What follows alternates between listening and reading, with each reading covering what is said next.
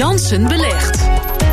Uh, Rob Jansen heeft nog geen noodsteun nodig, toch Rob? Ook, hoop ik trouwens. Het gaat wel goed met je nou, ik ben uh, zeker niet ontevreden als je kijkt naar uh, de turbulentie op de beurzen de afgelopen week. Waarbij de Damrak uh, eigenlijk bijna elke dag in het rood sloot.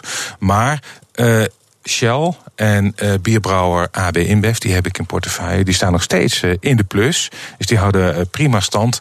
Um, Alleen ABN AMRO staat, wel, vanda staat vandaag weliswaar in de plus... maar ten opzichte van het moment waarop ik het heb aangekocht... nog ietsje in de min. Trekt ook, maar dat verlies trekt ook bij trouwens. Dus ik ben uh, uh, twee in de plus, eentje uh, ligt in de min. Okay, ik ben niet ontevreden netto? als ik kijk.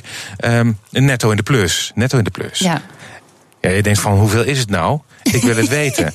um, dat wil misschien, Rob. Ja, maar uh, dat vraag, gaat ja. ook. Uh, ik hoop binnen anderhalf, twee weken het voor elkaar te hebben dat uh, het gewoon op de site van BNR onder het kopje Jansen belegd zichtbaar is.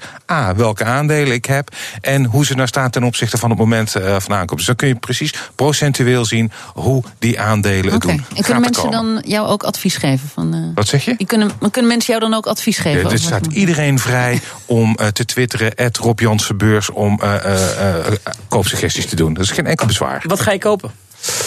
Nou, er zijn tussen twee opties. A, de, de, twee aandelen die het nu goed doen, uh, Shell en AB InBev, zou ik daar misschien in uitbreiden. Dat is één ding waar ik twijfel aan. De andere optie is, uh, ik zit ook wat te kijken naar uh, verzekeraars. Misschien hmm. Egon heeft ook een goed dividendrendement. Uh, een van die twee gaat het worden. En geen Facebook? Misschien moet je nu wel instappen. Geen Facebook nog. En die nee, je moest er even over nadenken. Ja, ik moet even. Ja, zeker. Kijk, ze ja, ik zou denken niet doen, maar dat is dus, dus niet, nou, niet zo ik logisch. Zit, ik neig ook meer naar niet doen. Omdat als je kijkt naar de lange termijn, zijn er best wel uh, risico's voor Facebook. Het zijn nu natuurlijk hele grote, machtige, winstgevende bedrijven. Ik denk dat dat ook nog wel eventjes zo blijft. Maar je ziet toch veel meer weerstand uh, bij de diverse overheden tegen dit soort bedrijven. En er wordt ook openlijk gesproken, bijvoorbeeld Verstagen, eurocommissaris, aan opknippen.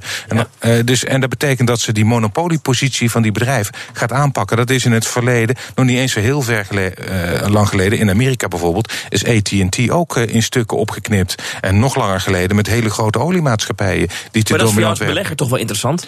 Nou, dat hangt er vanaf. Dat oh. vind ik te onzeker in ieder geval. Ik weet niet of dat per se goed is. Hey, en, en Shell, die rechtszaak van Milieudefensie van afgelopen week, dat, nee, dat merk je nee, niet. Nee, echt niet. Daar liggen beleggers niet wakker van. Nee, Rob Jansen dus ook niet. Nee.